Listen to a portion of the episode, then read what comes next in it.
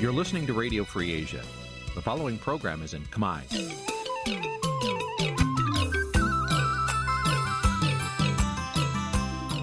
នេះជាកម្មវិធីផ្សាយ Vuthu Azizi Serai នេះជាកម្មវិធីផ្សាយរបស់ Vuthu Azizi Serai ជាភាសាខ្មែរ Vuthu Azizi Serai សូមស្វាគមន៍លោកអ្នកនាងទាំងអស់ពីរដ្ឋធានី Washington នៃសហរដ្ឋអាមេរិក បាទលោកនាងជាទីមេត្រីពីរដ្ឋធានី Washington ខ្ញុំបាទថាថៃសូមជម្រាបសួរលោកនាងកញ្ញាទាំងអស់ដែលកំពុងស្ដាប់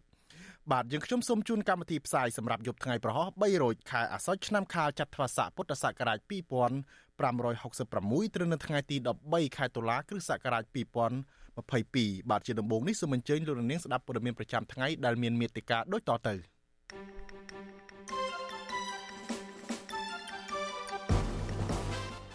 តុលាការបន្តសាកសួរសាកសីក្នុងសំណុំរឿងក្បត់ជាតិរបស់លោកកឹមសុខាគណៈបកភ្លើងទៀនខេត្តបៃលិនស្នើឲ្យអាជ្ញាធរខេត្តអន្តរាគមរឿងក្រុមប្រឹក្សាឃុំមិនទាន់មានការងារធ្វើពលរដ្ឋរងគ្រោះទឹកចំនួនជាង2000គ្រួសារនៅខេត្តបាត់ដំបងខ្វះទីជម្រកនិងស្បៀងអាហារ ប្រជាសហគមន៍ឃុំក្បាលរមាសខកចិត្តដែលអាជ្ញាធរមិនទាន់ទប់ស្កាត់ក្រុមហ៊ុនចិនកាប់ឈើក្នុងព្រៃសហគមន៍រឿងនឹងព័ត៌មានសំខាន់សំខាន់មួយចំនួនទៀត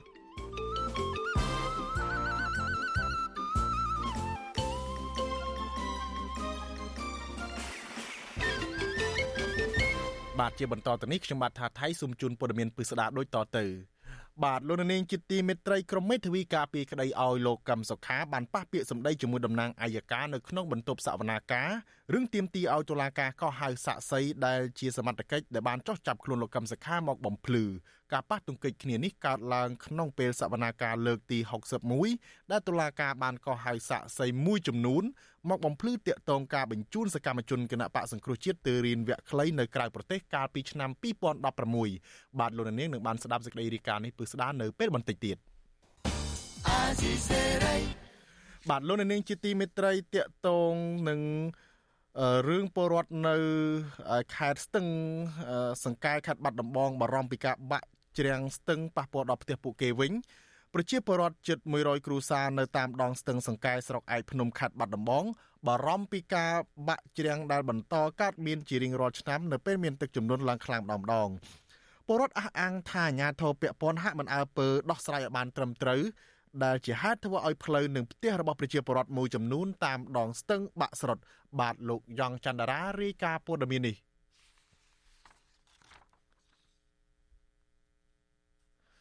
បាទលោកនាងជាទីមេត្រីអឺដោយសារតែមានបញ្ហាបច្ចេកទេសឥឡូវនេះយើងមកចាប់អារម្មណ៍នឹងរឿងគណៈបកភ្លឹងទៀននៅឯខេត្តប៉ៃលិនវិញបានដាក់លិខិតទៅអាជ្ញាធរខេត្តនេះឲ្យជួយអន្តរាគមរឿងក្រុមប្រឹក្សាជាប់ឆ្នោតគ្មានការងារធ្វើការដាក់លិខិតនេះកើតឡើងបន្ទាប់ពីជំទប់ទី2មកពីគណៈបកភ្លឹងទៀនទាំង5ឃុំសង្កាត់មិនទាន់មានការបែងចែកភារកិច្ចការងារពីមេឃុំមកពីគណៈបកប្រជាជនកម្ពុជានៅឡើយ មន្ត្រីសង្គមស៊ីវិលសង្កេតឃើញថាបញ្ហានេះកើតឡើងនៅតាមតំបន់មួយចំនួនដែលអាជ្ញាធររើសអើងនយោបាយប៉ុន្តែមានកន្លែងមួយចំនួនមានការបែងចែកការងារធ្វើស្របទៅតាមច្បាប់បាទលោកនាងក៏នឹងបានស្ដាប់សេចក្តីរាយការណ៍នេះពឺស្ដារនៅពេលបន្តិចទៀតដែរបាទ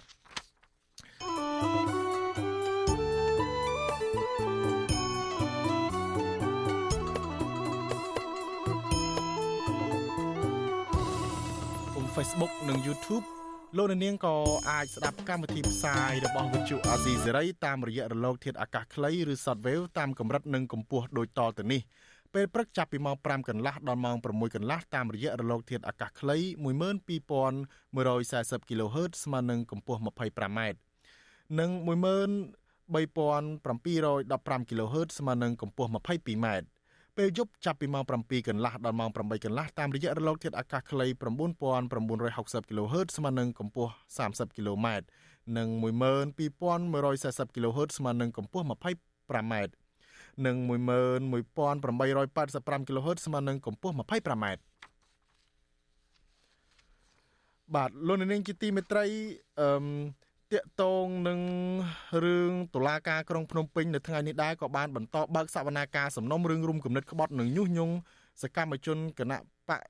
ប្រឆាំងជាង39រូបនៅព្រឹកថ្ងៃទី13ខែតុលាសវនាការលើកទី4នេះចៅក្រមបានសួរដេញដោលអំពីបញ្ហាផ្ទាល់ខ្លួនជាជាងសួរដាក់បន្ទុកលើសំណុំរឿងបាទអឺលោកយ៉ងច័ន្ទរាក៏នឹងមានសេចក្តីរាយការណ៍រឿងនេះនៅពេលបន្តិចទៀតដែរបាទ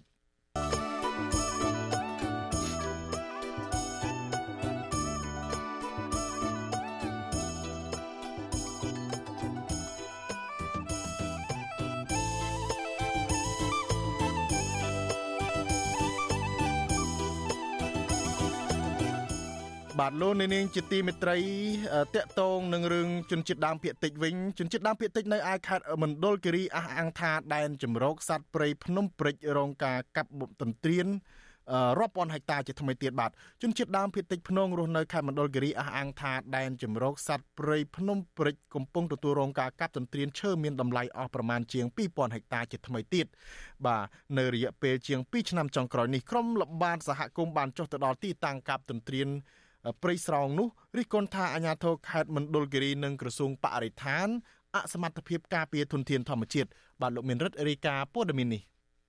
ជនជាតិដើមភាគតិចភ្នងឲ្យដឹងថាដែនជម្រកសត្វព្រៃភ្នំព្រិចជាច្រើនតំបន់ស្ថិតនៅក្នុងឃុំរយ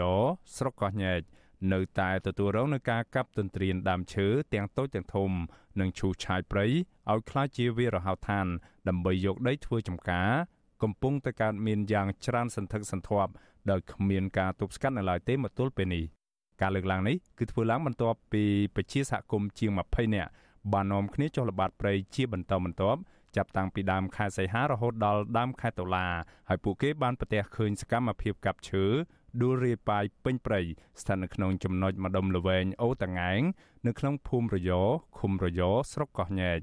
ពួកគាត់អះអាងថាដែនជម្រកសត្វព្រៃភ្នំព្រិចនៅតំបន់នោះទទួលរងនឹងការកាប់រុករានព្រៃអស់ជាបន្តបន្ទាប់អស់ប្រមាណជាង2000ហិកតាចាប់តាំងពីឆ្នាំ2020រហូតមកទល់ពេលនេះតំណាងសហគមន៍រស់នៅឃុំរយលោកលីនម៉ៅប្រាប់វិសុយស៊ីស្រីនៅថ្ងៃទី13ខែតុលាថាថ្មីថ្មីនេះគ្រាន់តែពួកលោកដើរតែមួយជ្រុងរកឃើញសកម្មភាពកាប់រុករានព្រៃអស់ប្រមាណជិត50ហិកតាស្ថិតនៅក្នុងឃុំរយ នៅរយៈពេលជាង3សប្តាហ៍ចុងក្រោយនេះលោកថាបើគ្មានការបើកដៃពីសំណាក់អាជ្ញាធរនិងមន្ត្រីបរិស្ថាន ដែលប្រចាំការនៅទីនោះទេនោះក្រុមជនល្មើសនឹងមិនអាចចូលទៅកាប់ទន្ទ្រានព្រៃអភិរក្សទាំងនេះបាននោះទេលោកបានថែមទៀតថាក្រោយពីទទួលបានព័ត៌មាននេះពួកលោកបានថតរូបភាពនិងវីដេអូធ្វើជាភស្តុតាងដើម្បីទុករាយការណ៍ទៅអាជ្ញាធរនិងឆ្មាំអភិរក្សរបស់ក្រសួងបរិស្ថាន ដើម្បីឲ្យទប់ស្កាត់ដែរក៏ប៉ុន្តែគ្មានបានផលនោះឡើយ។ ហើយខ្ញុំប្រាប់ទៅមេភូមិមេភូមិគេអត់អើពើដែរគេដឹងដល់ទាំងអស់គេដឹងតែគេអត់ខ្វល់ផងបរមលើនឹងបរមអស់ព្រៃឈើនឹងហើយបរមកូនចៅជំនាន់ក្រោយអត់មានដីជាង2000ជាងខ្លះខ្លះយើងអត់ដឹងទេប៉ុន្តែដឹងមួយចំនួនមួយចំនួនតំណាងជនជាតិដើមភាគតិចរូនេះ ចាត់ទុកការបណ្តែតបណ្ដោយឲ្យក្រុមឈ្មួញកັບទន្ទ្រានព្រៃអភិរក្សតាមអំពើចិត្តបែបនេះថាប៉ះពាល់ដល់ការអាស្រ័យផលព្រៃឈើរបស់ជនជាតិដើមភាគតិចភ្នងនិងជនជាតិដើមភាគតិចធ្នូនលោកថាព្រៃអភិរក្សនេះបានបាត់បង់ឈើមានតម្លៃអស់ស្ទើរទាំងស្រុងហើយបច្ចុប្បន្ននៅសល់ឈើមិនទាន់គ្រប់អាយុអាចប្រើប្រាស់បាន កំពុងប្រឈមទៅនឹងការកាប់រុករានដើម្បីយកដីធ្វើចម្ការ វិសុវស៊ីស្រីមិនទាន់អាចតាក់ទងសុំការបំភ្លឺជុំវិញបទល្មើសព្រៃឈើទាំងនេះពីប្រធានមន្ត្រីបរិស្ថានលោកកៅសុភ័ក្របាននៅឡើយទេនៅថ្ងៃទី13ខែតុលាដោយទូរស័ព្ទហៅចូលច្រានដងតែគ្មានអ្នកលើកទោះជាយ៉ាងណាលោកកៅសុភ័ក្របានប្រាប់វិសុក្នុងស្រុកក្រោយពីទទួលបានព័ត៌មានពីប្រជាសហគមន៍ថាលោកបានចាត់ឲ្យមន្ត្រីជំនាញចុះពិនិត្យបទល្មើសព្រៃឈើដើម្បីស្វែងរកជនល្មើសមកផ្ដន្ទាទោសតាមច្បាប់ដែរ ក៏ប៉ុន្តែពុំប្រទះឃើញជនល្មើសនោះឡើយលោកបញ្ជាក់ថាប្រសិនបើបទល្មើសព្រៃឈើកើតឡើងនៅក្នុងតំបន់ព្រៃអភិរក្សនោះក្រុមការងារជំនាញនឹងចាប់ជនល្មើសកសាងសំណុំរឿងបញ្ជូនទៅតុលាការដើម្បីផ្ដន្ទាទោសតាមផ្លូវច្បាប់ ចំណែកឯទីប្រឹក្សាបណ្ដាញសហគមន៍ជនជាតិដើមភាគតិចខេត្តមណ្ឌលគិរីលោកគ្រឿងដុល្លារសង្កេតឃើញថាសកម្មភាពកាប់ទន្ទ្រានដែនជម្រកសត្វព្រៃភ្នំព្រិចស្ថិតនៅក្នុងស្រុកកោះញែកនៅតែបន្តកើតមានឡើងយ៉ាងពេញទំហឹងដោយគ្មានការទប់ស្កាត់ឲ្យបានច្បាស់លាស់នៅឡើយទេលោកបន្តថាបំណងនៃការឈូសឆាយព្រៃឲ្យคล้ายជាវារហោឋាន ដើម្បីគ្រប់គ្រងជាសម្បត្តិឯកជន ធ្វើចំការនិងលក់ដូរ ប៉ះពាល់ដល់កន្លែងអាស្រ័យផលប្រពៃណីរបស់ពលរដ្ឋអាហ្នឹងការយល់ឃើញរបស់ប្រជាពលរដ្ឋក៏ដូចការយល់ឃើញរបស់ខ្ញុំហ្នឹងខ្ញុំក៏ថាអ្នកមានហ្នឹងគឺចាប់ផ្ដើមបង្វែរពីពីអាការកាត់ធ្វើហ្នឹងទៅទៅទៅជាបង្កើតក្រុមក្រុមលក់ដីឡូវិញអញ្ចឹងក៏អាលក់ដីឡូហ្នឹងបើមិនលក់ដីព្រៃមានដីមកពីណាជុំវិញរឿងនេះមន្ត្រីពង្រឹងសិទ្ធិអំណាចសហគមន៍មូលដ្ឋាននៃសមាគមអាត6លោកប៉ែនបូណាយល់ថាបទល្មើសព្រៃឈើកើតមានឡើងដដែលដដែលដែលមន្ត្រីជំនាញនិងអាជ្ញាធរខេត្តមណ្ឌលគិរី គ្មានសមត្ថភាពការពារឲ្យបានគង់វង្សប្រការនេះលោកថានឹងកើតឡើងនៅវប្បធម៌នីតិរដ្ឋភាពឬទម្លាប់ឲ្យជនល្មើសរួចទោសនាំខ្លួនអក្រិតជនដែលបានបំផ្លាញព្រៃឈើកន្លងមកហ្នឹងមកប្រត់ជាទុកហើយបើសិនជាទុកតែរបៀបអញ្ចឹងគឺព្រៃឈើនឹងរលាយនៅក្នុងពេលឆាប់ឆាប់ប៉ុណ្ណឹងរបាយការណ៍របស់ក្រសួងបរិស្ថាន បង្ហាញថាដែនជម្រកសត្វព្រៃភ្នំព្រិច មានផ្ទៃដីជាង2សែនហិកតា ស្ថិតនៅក្នុងស្រុកកោះញែកស្រុកកៅសីមា ស្រុកពេជ្ររេដានិងក្រុងសែនមនោរម្យត្រូវបានបង្កើតឡើងដោយព្រះចក្រិតកាលពីឆ្នាំ1993ព្រៃអភិរក្សនេះមានសត្វព្រៃយ៉ាងហោចណាស់30ប្រភេទកំពុងរស់នៅ រួមមានដំរីអាស៊ីខ្លារខិនទុនសោងខ្ទីងប្រើសទូចស្វានិងឆ្កែចចកជាដើម ក្រសួងបរិស្ថានថាព្រៃអភិរក្សនេះមានសារៈសំខាន់ផ្នែកវប្បធម៌សេដ្ឋកិច្ចនិងសង្គមសម្រាប់សហគមន៍មូលដ្ឋានពឹងអាស្រ័យទៅលើធនធានធម្មជាតិក្នុងព្រៃដើម្បីរកប្រាក់ចំណូលខ្ញុំបានមេរិត Visual C ស្រីរាយការណ៍ពីរដ្ឋធានី Washington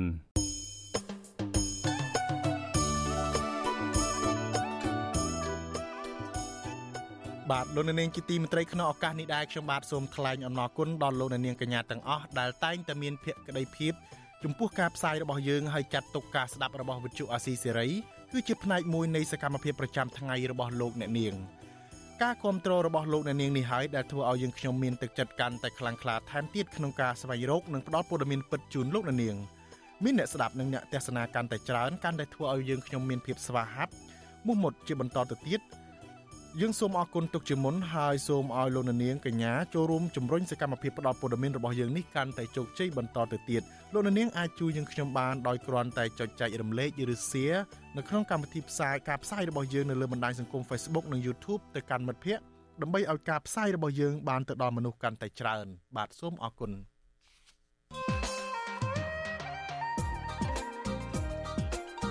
បាទ លោកអ្នកនាងជាទីមេត្រីការមានសិទ្ធិទៅបោះឆ្នោតជាការទទួលខុសត្រូវសំខាន់មួយរបស់ពលរដ្ឋក៏ប៉ុន្តែលោកអ្នកអាចនឹងត្រូវគេមិនអោយបោះឆ្នោតបានទេប្រសិនបើលោកអ្នកខកខានមិនបានទៅចុះឈ្មោះបោះឆ្នោតឬក៏មិនបានទៅផ្ទៀងផ្ទាត់ពិនិត្យបញ្ជីឈ្មោះបោះឆ្នោតជាមុននោះប្រសិនបើលោកនាងចង់ជ្រាបច្បាស់អំពីដំណើរការនៃការពិនិត្យបញ្ជីឈ្មោះបោះឆ្នោតនិងចុះឈ្មោះបោះឆ្នោតសូមលោកនាងរងចាំស្ដាប់កិច្ចពិភាក្សាអំពីរឿងនេះក្នុងនេតិវេទិកាអ្នកស្ដាប់របស់វិទ្យុអាស៊ីសេរី នារាត្រីថ្ងៃសុក្រទី14ខែតុលាស្អែកនេះបាទកម្មវិធីនេះមានលោកទីនសការីយ៉ាជាអ្នកសម្របសម្រួលបាទសូមអរគុណ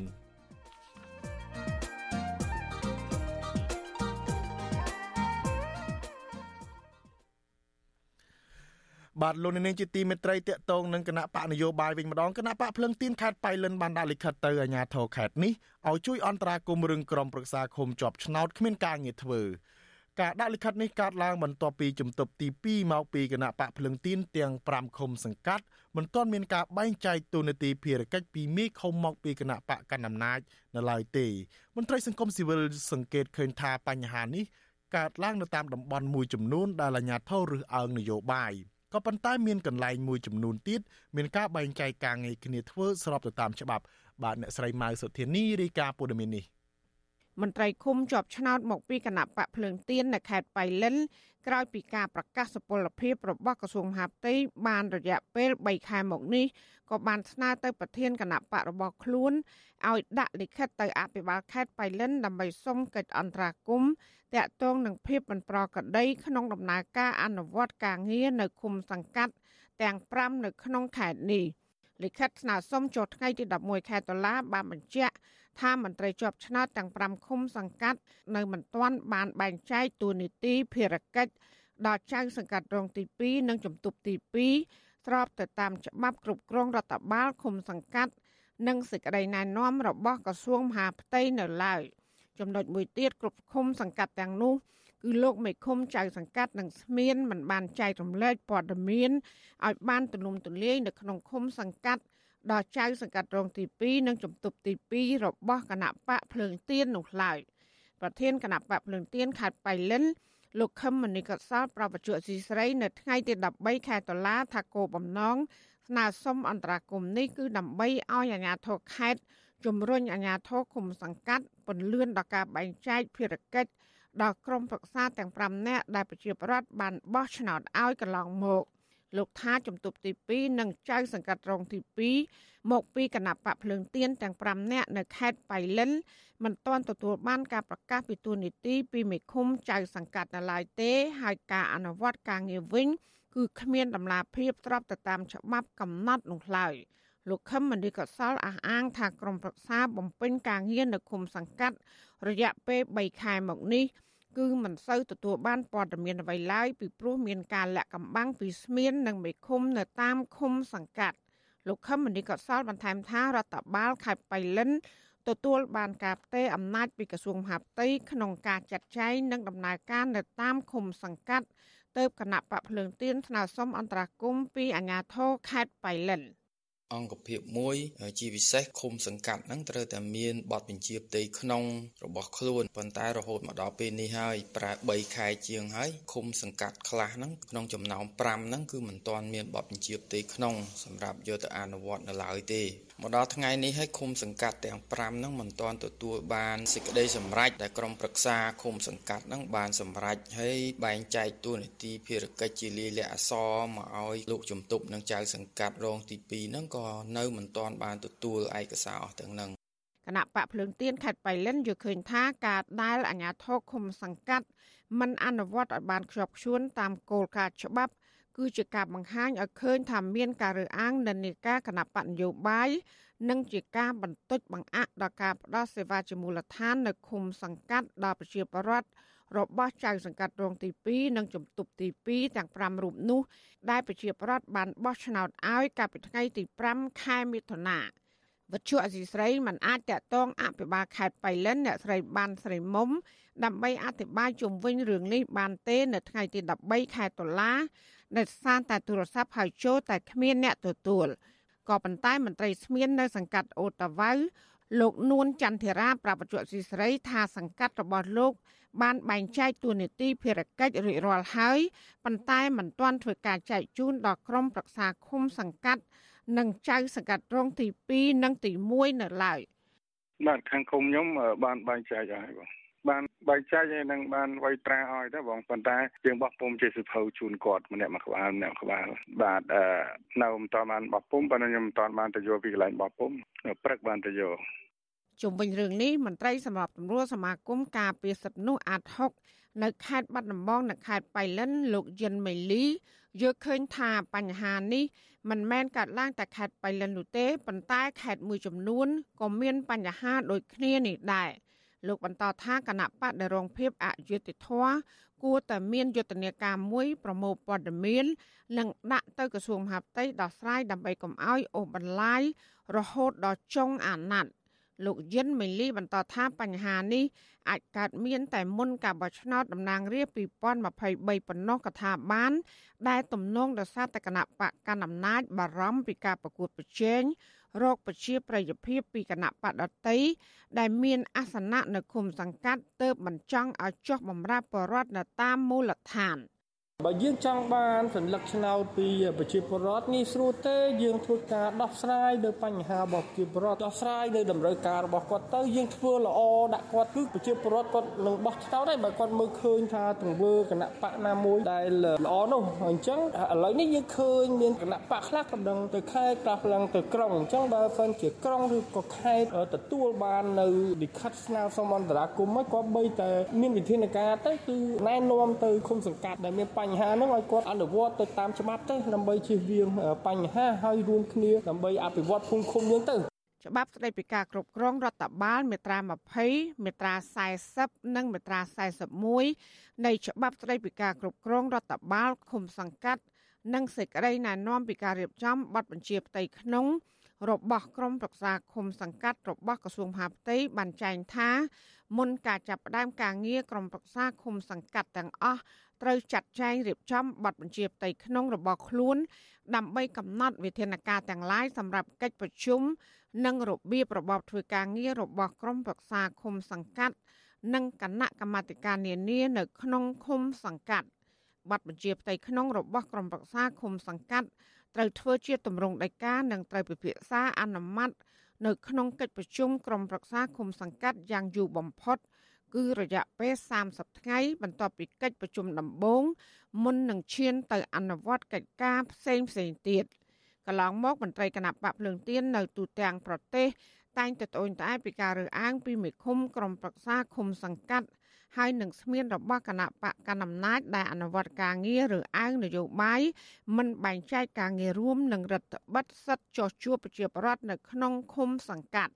មន្ត្រីគណៈបកភ្លើងទៀននិងមន្ត្រីសង្គមស៊ីវិលយល់ឃើញថារដ្ឋាភិបាល ជាពិសេសក្រសួងមហាផ្ទៃត្រូវដោះស្រាយបញ្ហានេះនិងជំរុញពន្លឿនការបែងចែកតួនាទីភារកិច្ចដល់មន្ត្រីក្រុមប្រឹក្សាជាប់ឆ្នោតនៅតាមឃុំសង្កាត់ដោយដំណាភាព ដើម្បីលុបបំបាត់ការរិះគន់ពីមហាជន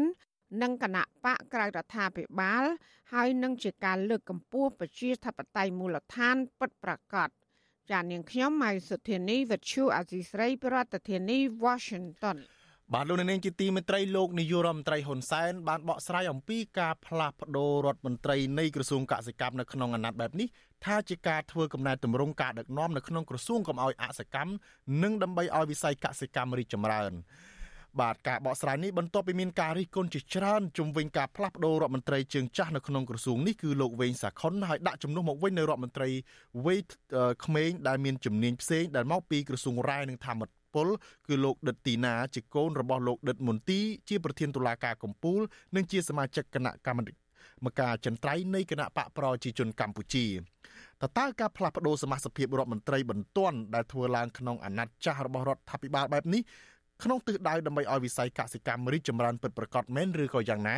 បាទលោកនាងនឹងបានស្ដាប់កិច្ចសម្ភាសជាមួយនឹងតំណាងគណៈបកនយោបាយនិងអ្នកវិភាគជំវិញបញ្ហានេះនៅក្នុងកម្មវិធីផ្សាយរបស់យើងនៅពេលបន្តិចទៀត thank you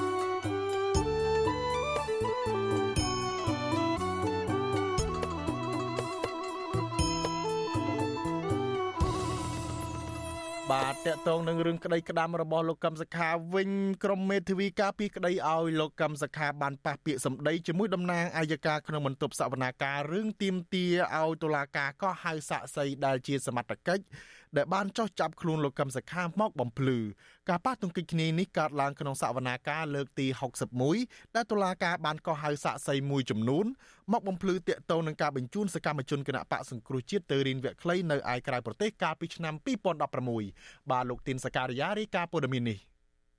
ស្លានដំបងរាជធានីភ្នំពេញបន្តសាកសួរសាកសីមួយចំនួនបន្ថែមទៀតដែលជាសកម្មជនធ្វើការងារសង្គមនិងចៅសង្កាត់រងមន្ត្រីគណៈបកភ្លឹងទៀនជាដើម។ ទោះជាយ៉ាងណាតុលាការមិនបានកោះហៅសាកសីសំខាន់មួយទៀតរួមមានក្រុមសមត្ថកិច្ចដែលបានចោះចាប់ខ្លួនប្រធានគណៈបកសង្គ្រោះជាតិលោកកម្មសខាទាំងកណ្ដាលយប់កាលពីជាង5ឆ្នាំមុនមកបំភ្លឺនោះទេសហមេធាវីការពារក្តីលោកកម្មសខាគឺលោកមេធាវីផែងហេងថ្លែងឲ្យដឹងក្រោយពីបញ្ចប់សវនាការនាល្ងាចថ្ងៃទី13ដុល្លារថាការកោះហៅសាកសីដែលជាសមត្ថកិច្ចបានចោះចាប់ខ្លួនលោកកម្មសខាកាលពីឆ្នាំ2017 ជាសាក្សីដែលមានសារៈសំខាន់នៅក្នុងរឿងក្តីនេះលោកឲ្យដឹងទៀតថាតកតងនឹងការលើកឡើងចំណុចនេះ មានការប្រកែកគ្នាខ្លាំងរវាងសហមេធាវីការពារក្តីលោកកម្មសខានិងតំណាងអាយកាព្រោះតំណាងអាយកាលើកឡើងថាសាក្សីដែលតុលាការក៏ហៅមកនេះគឺគ្រប់គ្រាន់ហើយសម្រាប់ឲ្យតុលាការអាចសម្រេចសេចក្តីបានមិនចាំបាច់សាក្សីដែលជាសមត្ថកិច្ចចូលមកបំភ្លឺនោះទេ យើងយល់ឃើញថាសមត្ថកិច្ចដែលចុះទៅអនុវត្តនេះសំខាន់ណាស់ដើម្បីគាត់មកដល់សក្ខីកម្មក្នុងនាមគាត់ជាអ្នកចុះទៅអនុវត្តផ្ទាល់តើមានហេតុការណ៍ហ្នឹងយ៉ាងម៉េចម៉េចយើងចង់ដឹងព្រោះបទល្មើសនេះចោទពីបទសន្និដ្ឋានជាមួយបរទេសហើយចោទថាជាបទល្មើសជាក់ស្ដែងបើសិនជាបទល្មើសជាក់ស្ដែងយើងត្រូវមានការអនុវត្តកម្មភាពជាក់ស្ដែងឬក៏មានការតាម ថាប់តែប្រពៃអញ្ចឹងចំណុចអស់នេះដែលយើងចង់សួរសវនាការលើកទី61នេះជាសវនាការលើកទី2ដែលតុលាការប្រើពេលពេញមួយថ្ងៃសួរដេញដោលសាកសីតុលាការចោទសួរតាក់ទងអង្គហេតុដែលតុលាការចោទថាជាបដិវត្តពណ៌សួរអតីតសកម្មជនគណៈបកសង្គ្រោះជាតិធ្លាប់បានចូលរួមនៅឥណ្ឌូនេស៊ីកាលពី6ឆ្នាំមុនសវនាការពេលព្រឹកតឡាការសាកសួរសាកសី2នាក់ គឺចៅសង្កាត់រងទី2គណៈបកភ្លើងទៀននិងជាអតីតសកម្មជនគណៈបកសង្គ្រោះជាតិលោកខឿនវិរៈនិងយុវជនធ្វើការងារសង្គមលោកម៉ាចត្រាសាកសីទាំងពីររូបបានឆ្លើយប្រាប់តឡាការថាពួកគេទៅរៀនវគ្គខ្លីនេះមិនមែនជាការរៀបចំរបស់គណៈបកសង្គ្រោះជាតិនោះទេគឺធ្វើឡើងតាមបណ្ដាញក្រុមយុវជន ហើយវគ្គខ្លីនេះគឺរៀបចំបណ្ដោះបណ្ដាលដោយអង្គការ Canvas ចៅសង្កាត់រងទី2គណៈបកភ្លើងទៀនលោកខឿនវិរៈឲ្យដឹងថា សក្ខីកម្មឬចម្លើយដែលលោកបានផ្ដល់ជូនតុលាការជាអ្វីដែលលោកបានដឹងឮនិងបានឃើញលោកឲ្យដឹងទៀតថាលោកបានបំភ្លឺទៅតុលាការថាការចូលរួមវគ្គសិក្សាខ្លីនៅប្រទេសឥណ្ឌូនេស៊ីកាលពីឆ្នាំ2016មិនមែនជាការរៀនសូត្រពីការធ្វើបដិវត្តពណ៌ដោយការចោទប្រកាន់នោះទេតែជាការរៀនសូត្រទាក់ទងនឹងការបោះឆ្នោត ទៅរៀនអំពីដំណើរការចុះឈ្មោះបោះឆ្នោតដំណើរការបោះឆ្នោតមានន័យថាមុនពេលបោះឆ្នោតក្រោយពេលបោះឆ្នោតនិងនៅពេលបោះឆ្នោតក្នុងនាមជាភ្នាក់ងារសង្កេតការយើងធ្លាប់ធ្វើជាភ្នាក់ងារសង្កេតការកន្លងមកតែប៉ុណ្ណឹងហើយនឹងការតស៊ូតាមបែបអហិង្សាដែលយើងលើកឡើងអំពីអ្វីដែលសិទ្ធិពលរដ្ឋមានចែងអាចសម្ដែងមតិបានអាចបានតែប៉ុណ្្នឹងទេបាទ តឡការបានសួរអតីតសកម្មជនគណៈបកសង្គ្រោះជាតិតទៅនឹងហេតុនៃការចូលវគ្គសិក្សាខ្លីនៅប្រទេសឥណ្ឌូនេស៊ីនេះចាប់តាំងពីសវនាការលើកទី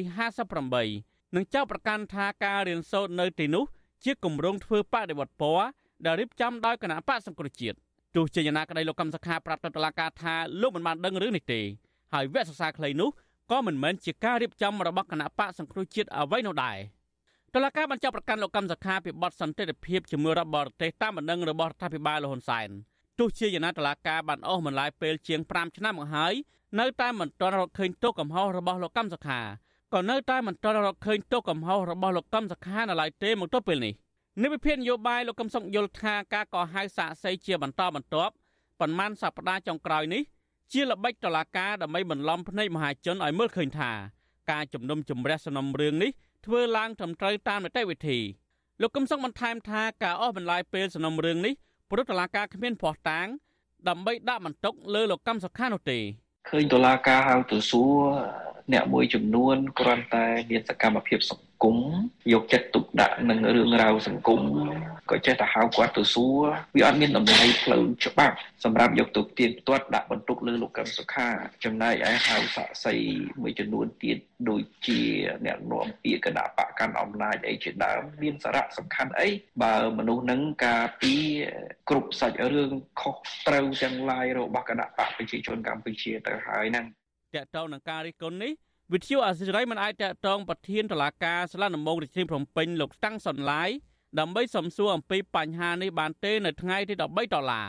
ចំណែកឯអ្នកនាំពាក្យគណៈបកប្រជាជនកម្ពុជាលោកសុកអេសាន នៅតែអះអាងដដាលដដាលថាសំណុំរឿងនេះជាករណីពិសេសដែលតុលាការត្រូវការពេលវេលាច្រើនដើម្បីដោះស្រាយជំនុំជម្រះដោយសាវនាការលើកមុនមុនដែរក្នុងបន្ទប់ជំនុំជម្រះនៃសាវនាការលើកទី61នេះ នៅតែស្ថិតនៅក្នុងការតាមដានពីតំណាងអង្គទូតមន្ត្រីអង្គការសហប្រជាជាតិនិងមន្ត្រីអង្គការសង្គមស៊ីវិលបន្តចូលរួមក្លំមើលក្នុងបន្ទប់សាវនាការដោយសពដងដែរចំណែកឯនៅក្រៅរបងតឡាការវិញក៏មានអ្នកគាំទ្រលោកកម្មសខាប្រមាណជា30នាក់បន្តក្លំមើលនៅមុខតឡាការដោយស្ថិតក្រោមការឃ្លាំមើលពីសមត្ថកិច្ចយ៉ាងតឹងរឹងអ្នកគាំទ្រលោកកម្មសខាម្នាក់មកពីខេត្តកំពង់ឆ្នាំងលោកនូចម្រើន លើកឡើងថា លោកមកឃ្លាំមើលតឡាការនៅពេលនេះព្រោះលោកសង្កេតឃើញថាលោកកម្មសខាជាមេដឹកនាំល្អនិងមិនមែនជាមនុស្សក្បត់ជាតិដោយការចោទប្រកាន់របស់តឡាការនោះទេអ្នកគាំទ្រលោកកម្មសខារូបនេះចង់ឃើញតឡាការផ្ដាល់យុទ្ធធម៌និងភាពស្អាតស្អំជូនលោកកម្មសខាវិញដើម្បីឲ្យមេបកប្រឆាំងរូបនេះអាចចូលរួមការបោះឆ្នោតបាននាឆ្នាំ2023ខាងមុខដោយសារឃើញគាត់មានចំហស្មោះត្រង់នឹងប្រជាពលរដ្ឋខ្មែរហើយគាត់មានឆន្ទៈស្រឡាញ់ជាតិសុទ្ធប្រកប ហើយគោលចំហរបស់គាត់ស្មោះត្រង់នឹងប្រជាពលរដ្ឋខ្មែរសុទ្ធប្រកបតើតើនៅរឿងនឹងដែរនាយកាមជ្ឈមណ្ឌលសិទ្ធិមនុស្សកម្ពុជានៅស្រីចော့សុភាពដែលជាសាកសីម្នាក់បានចូលបំភ្លឺនៅក្នុងសំណុំរឿងលោកកម្មសខាដែរនោះអ្នកស្រីបានសរសេរនៅលើទំព័រ Facebook របស់អ្នកស្រីថាការបន្តចោទប្រកាន់នឹងអស់បន្លាយសំណុំរឿងនេះជាការបំពានសិទ្ធិសេរីភាពខាងនយោបាយរបស់លោកកម្មសខាដែលកម្ពុជា បានទទួលស្គាល់នៅក្នុងរដ្ឋធម្មនុញ្ញនិងបទដ្ឋានសិទ្ធិមនុស្សអន្តរជាតិ អ្នកការពារសិទ្ធិមនុស្សរូបនេះយល់ថាដើម្បីឈ្មោះទៅមុខនិងធានាបរិយាកាសអំណោយផលនៃការរៀបចំការបោះឆ្នោតនាពេលខាងមុខការសម្របសម្រួលឲ្យអ្នកនយោបាយនិងបរដ្ឋអាចចូលរួមដោយសេរីក្នុងដំណើរការប្រជាធិបតេយ្យគឺជាការចាំបាច់និងគួរដល់ពេលវេលាដែលខ្មែរត្រូវបញ្ចប់ការចោទប្រកាន់គ្នាហើយគួរតែស្វែងរកវិធីដោះស្រាយបញ្ហាជាតិដើម្បីឲ្យកម្ពុជារីកចម្រើនទៅមុខតុលាការបានចាប់ផ្ដើមកោះហៅសាកសីជលបំភ្លឺក្នុងដំណាក់កាលនៃសាវនាការជំនុំជម្រះ ចាប់ពីសាវនាការសប្តាហ៍លើកទី59មកក្នុងចំណោមសាកសីទាំង9រូបដែលតុលាការកោះហៅមានសាកសីចំនួន6នាក់ហើយដែលបានផ្ដល់សក្ខីកម្មជូនតុលាការអ្នកទាំងនោះរួមមានអ្នកនយោបាយជើងចាស់លោកកុងគំអ្នកនាំពាក្យគណៈបកប្រជាជនកម្ពុជាលោកឈំផុលវរុននាយកាមជ្ឈមណ្ឌលសិទ្ធិមនុស្សកម្ពុជាអ្នកស្រីចောက်សុភាពយុវជនធ្វើការងារសង្គមលោកស្រីកៅស្រីនាងយុវជនធ្វើការងារសង្គមមួយរូបទៀតគឺលោកម៉ាចត្រា និងចៅសង្កាត់រងទី2គណៈបកភ្លើងទៀនលោកខឿនវិរៈទើបតែនៅក្នុងសប្តាហ៍នេះទេដែលតុលាការបើកសវនាការ2ថ្ងៃជាប់គ្នាហើយសវនាការ2ថ្ងៃជាប់គ្នានេះតុលាការបានសួរដេញដោលសាកសីទាំងពេលព្រឹកនិងពេលរសៀលតុលាការនឹងបន្តសាកសួរសាកសីបន្ថែមទៀតនៅក្នុងសវនាការលើកទី62នាថ្ងៃទី19តុលាខាងមុខសហមេធាវីលោកកម្មសខាក្រុងនឹងស្នើដាក់ពាក្យទៅតុលាការទាមទារឲ្យតុលាការក៏ហៅសាកសីជាសមត្ថកិច្ច ដែលអនុវត្តការងារក្នុងពេលចាប់ខ្លួនលោកកម្មសខាមកបំភ្លឺនៅក្នុងសវនាការនាសប្តាហ៍ក្រោយនេះខ្ញុំធីនសាការីយ៉ាអស៊ីសេរី ប្រធានីវ៉ាស៊ីនតោនបាទលោកនាងជាទីមន្ត្រីយើងមិនទាន់ទៅណាឆ្ងាយពីសំណុំរឿងក្តីក្តាមរបស់អ្នកនយោបាយនៅក្នុងតុលាការទេតុលាការក្រុងភ្នំពេញបានបន្តបើកសវនាការលើសំណុំរឿងក្បត់រួមគំនិតក្បត់និងញុះញង់លើសកម្មជនគណៈបកប្រឆាំងចំនួន39នាក់នៅព្រឹកថ្ងៃទី13ខែតុលាសវនាការលើកទី4នេះ ចៅក្រមបានសួរដេញដោលលើបញ្ហាផ្ទាល់ខ្លួនជាជាងស៊ូបដោតទៅលើសំណុំរឿងបាទលោកយ៉ងច័ន្ទរារាយការណ៍ព័ត៌មាននេះមន្ត្រីពន្ធនាគារបានដឹកសកម្មជនគណៈបកប្រឆាំងចំនួន3នាក់ឲ្យចូលរួមនៅក្នុងសវនាការជំនុំជម្រះទៅលើបទចោទរួមគំនិតក្បត់និងញុះញង់ប្រឆាំងនឹងសកម្មជនគណៈបកប្រឆាំងសរុប39នាក់នៅព្រឹកថ្ងៃទី13ខែតុលាសកម្មជនទាំងនោះរួមមានលោកវឿងសំណាង លោកខាន់ប៊ុនផេងនិងលោកគង់ម៉ាស់ ដែលកំពុងតែជាប់ពន្ធនាគារព្រៃសរម1នៅក្នុងរាជធានីភ្នំពេញចៅក្រមជំនុំជម្រះសំណុំរឿងនេះគឺអ្នកស្រីអុករ៉េតគុន្ធា បានចោទសួរតែលោកវឿងសំណាងម្នាក់ប៉ុណ្ណោះហើយព្រះរាជអាជ្ញារងលោកសេងហៀងក៏បានបញ្ចូលដីកាសន្និដ្ឋានរឿងបន្ថែមតាក់ទងទៅនឹងបទចោទទៅលើពលករខ្មែរនៅកូរ៉េខាងត្បូងម្នាក់គឺលោកសុកស៊ីឡូតហៅសង្ហាភ្ជាប់ជាមួយផែនការវិលជុលស្រុករបស់អនុប្រធានគណៈបកសង្គ្រោះជាតិអ្នកស្រីមូសុខហួរ មេធាវីការពីក្តីឲ្យសកម្មជនគណៈបកប្រឆាំងលោកសំសុគង្គយល់ឃើញថាការសួរដេញដោលទៅលើកូនក្តីរបស់លោកមិនមានជាប់ពាក់ព័ន្ធជាមួយនឹងបទចោទប្រកាន់ឡើយលោកបន្ថែមថាការភ្ជាប់អង្គហេតុសំណុំរឿងគម្រោងវិលជុលស្រុករបស់លោកសំរងស៊ីក្នុងឆ្នាំ2019ជាមួយនឹងសំណុំរឿងគ្រងវិលជុលស្រុករបស់អ្នកស្រីមូសុខហួរនៅដើមឆ្នាំ2020នោះគឺជារឿងមិនត្រឹមត្រូវតាមអង្គហេតុនិងអង្គច្បាប់នោះទេ រឿងនេះត្រូវបានតឡាការបានជំនុំជម្រះរួចហើយហើយបើសិនជាយកអង្គហេតុ2019មកបូកជាមួយនឹងអង្គហេតុ2020នៃឆ្នាំផ្សេងហ្នឹងគឺជាអង្គហេតុមួយថាវាអត់ត្រឹមត្រូវហើយទីមួយវាអាចពាក់ព័ន្ធទៅនឹងហៅថាញាអស់ជំនុំដោយសារដំណើរនេះត្រូវបានកាត់ម្ដងរួចហើយចំណែកប្រពន្ធសកម្មជនគណៈបកប្រឆាំងលោកគង់ម៉ាស់គឺលោកស្រីកុលសាទដែលបានចូលរួមក្នុងសវនាការនេះដែរយល់ឃើញថា អង្គសវនាការលើកទី4នេះក៏មិនខុសពីអង្គសវនាការមុនមុននោះដែរដោយចៅក្រមបានសួររឿងដដែលដដែលតាក់ទងទៅនឹងការបង្ហោះ Facebook របស់បុគ្គលនៅក្រៅប្រទេសហើយចៅក្រមអានតែអំពីខ្លឹមសាររបស់ថ្នាក់ដឹកនាំគណៈបកសង្គ្រោះជាតិនៅក្រៅប្រទេសដែលមានបំណងវិលចូលប្រទេសកម្ពុជាវិញសារចោះសារឡើងដែលមិនមានជាប់ពាក់ព័ន្ធទៅនឹងប្តីរបស់លោកស្រី និងសកម្មជននយោបាយនៅក្នុងស្រុកនោះឡើយ លោកស្រីបន្ថែមថាការចោទប្រកាន់លើប្តីរបស់លោកស្រីពីបទរួមគំនិតក្បត់នេះគឺជាការចោទប្រកាន់ដោយគ្មានហេតុផលត្រឹមត្រូវព្រោះប្តីរបស់លោកស្រីទើបតែមានសេរីភាពពីការឃុំខ្លួនត្រឹមតែ4ខែប៉ុណ្ណោះហើយតុលាការក៏គ្មានភស្តុតាងជាក់លាក់ដើម្បីមកបញ្ជាក់ថាប្តីរបស់លោកស្រី បានគៀកោមនុស្សឲ្យមកផ្ដួលរំលំរដ្ឋាភិបាលដែរចូលទៅស្ដាប់ទៅថាវាអត់ជាក់លាក់ថាគួរតែខ្ញុំនិយាយពីកន្លែងណាព្រោះអីការកាត់រឿងគាត់ហ្នឹងគឺគាត់សួរហ្នឹងគឺសួរតែរឿងអ្នកនៅក្រៅប្រទេស តកតងទៅនឹងរឿងនេះមន្ត្រីសមាគមការពារសិទ្ធិមនុស្សអាត6លោកយីសុកសាន ដែលបានចូលរួមសង្កេតសវនាការនេះយល់ឃើញថាចៅក្រមបានសួរដេញដោលអំពីបញ្ហាផ្ទាល់ខ្លួនរបស់លោកវឿងសំណាងច្រើនជាងសំណួរដាក់បន្ទុកទៅលើសំណុំរឿងដែលបានចោទប្រកាន់លោកបន្តថាចាក្រមហាក់គ្មានភ័ស្តុតាងចោតប្រកាន់ទៅលើសកម្មជនគណៈបកប្រឆាំងទាំងនោះឲ្យរងមាំឡើយ យើងស្នើសុំដល់ទទូចឲ្យអ្នកនយោបាយគួរមានភាពចាស់ទុំហើយនឹងចូលតុចរចាគ្នាដើម្បីលើកមុខលើកមាត់ប្រទេសកម្ពុជាដែលជាគេហៅថាប្រទេសអច្ឆរិយៈដែលមានសន្តិភាពគ្រប់ទិសទីប៉ុន្តែនៅតែមានអ្នកជាប់គុកនៅក្នុងចំណោមសកម្មជនគណៈបកប្រឆាំងទាំង39នាក់ដែលត្រូវបានចោទប្រកាន់ពីបទរួមគំនិតក្បត់នេះតុលាការក៏បានចោទប្រកាន់មេដឹកនាំគណៈបកប្រឆាំងដូចជាលោកសំរងស៊ីអ្នកស្រីមូសុខួរនិងលោកអេងឆៃអៀងជាដើម ចំណែកសកម្មជនផ្សេងផ្សេងទៀតដែលរងបទចោទជាមួយគ្នានេះពួកគេភ័យច្រានកំពុងតែរស់នៅភៀសខ្លួននៅក្រៅប្រទេសសំណុំរឿងនេះស្ថិតនៅក្រោមការតាមឃ្លាំមើលពីមន្ត្រីអង្គការសហប្រជាជាតិនិងតំណាងអង្គការសង្គមស៊ីវិលនានានិងមានការរឹតបន្តឹងសន្តិសុខពីក្រមសមត្ថកិច្ចនៅជុំវិញបរិវេណតុលាការសាលាដំបងរាជធានីភ្នំពេញនឹងបន្តសវនាការជំនុំជម្រះសំណុំរឿងនេះទៀតនៅថ្ងៃទី20ខែតុលាខាងមុខដោយនឹងសាកសួរសាកសីបន្ថែមទៀត ខ្ញុំយ៉ងច័ន្ទដារាវិទ្យុអាស៊ីសេរីរាយការណ៍ពីរដ្ឋធានី Washington នាងជាទីមេត្រីការមានសិទ្ធិទៅបោះឆ្នោតជាការទទួលខុសត្រូវសំខាន់មួយរបស់ប្រជាពលរដ្ឋក៏ប៉ុន្តែពលលោកនាងអាចទៅមិនត្រូវឲ្យក៏ប៉ុន្តែលោកអ្នកអាចនឹងមិនត្រូវគេឲ្យបោះឆ្នោតបានទេប្រសិនបើលោកអ្នកខកខានមិនបានទៅចុះឈ្មោះបោះឆ្នោតឬមិនបានទៅផ្ទៀងផ្ទាត់ពិនិត្យបញ្ជីឈ្មោះបោះឆ្នោតជាមុននោះ ប្រសិនបើលោកអ្នកនាងចង់ជ្រាបច្បាស់អំពីដំណើរការនៃការពិនិត្យបញ្ជីឈ្មោះបោះឆ្នោតនិងចុះឈ្មោះបោះឆ្នោតសូមលោកអ្នកនាងរងចាំស្ដាប់កិច្ចពិភាក្សាអំពីរឿងនេះក្នុងវេទិកាអ្នកស្ដាប់វិទ្យុអាស៊ីសេរីនារាត្រីថ្ងៃសុក្រទី14តុលាស្អែកនេះបាទកម្មវិធីនេះមានលោកទីនសការីយ៉ាជាអ្នកសម្របសម្រួលសូមអរគុណ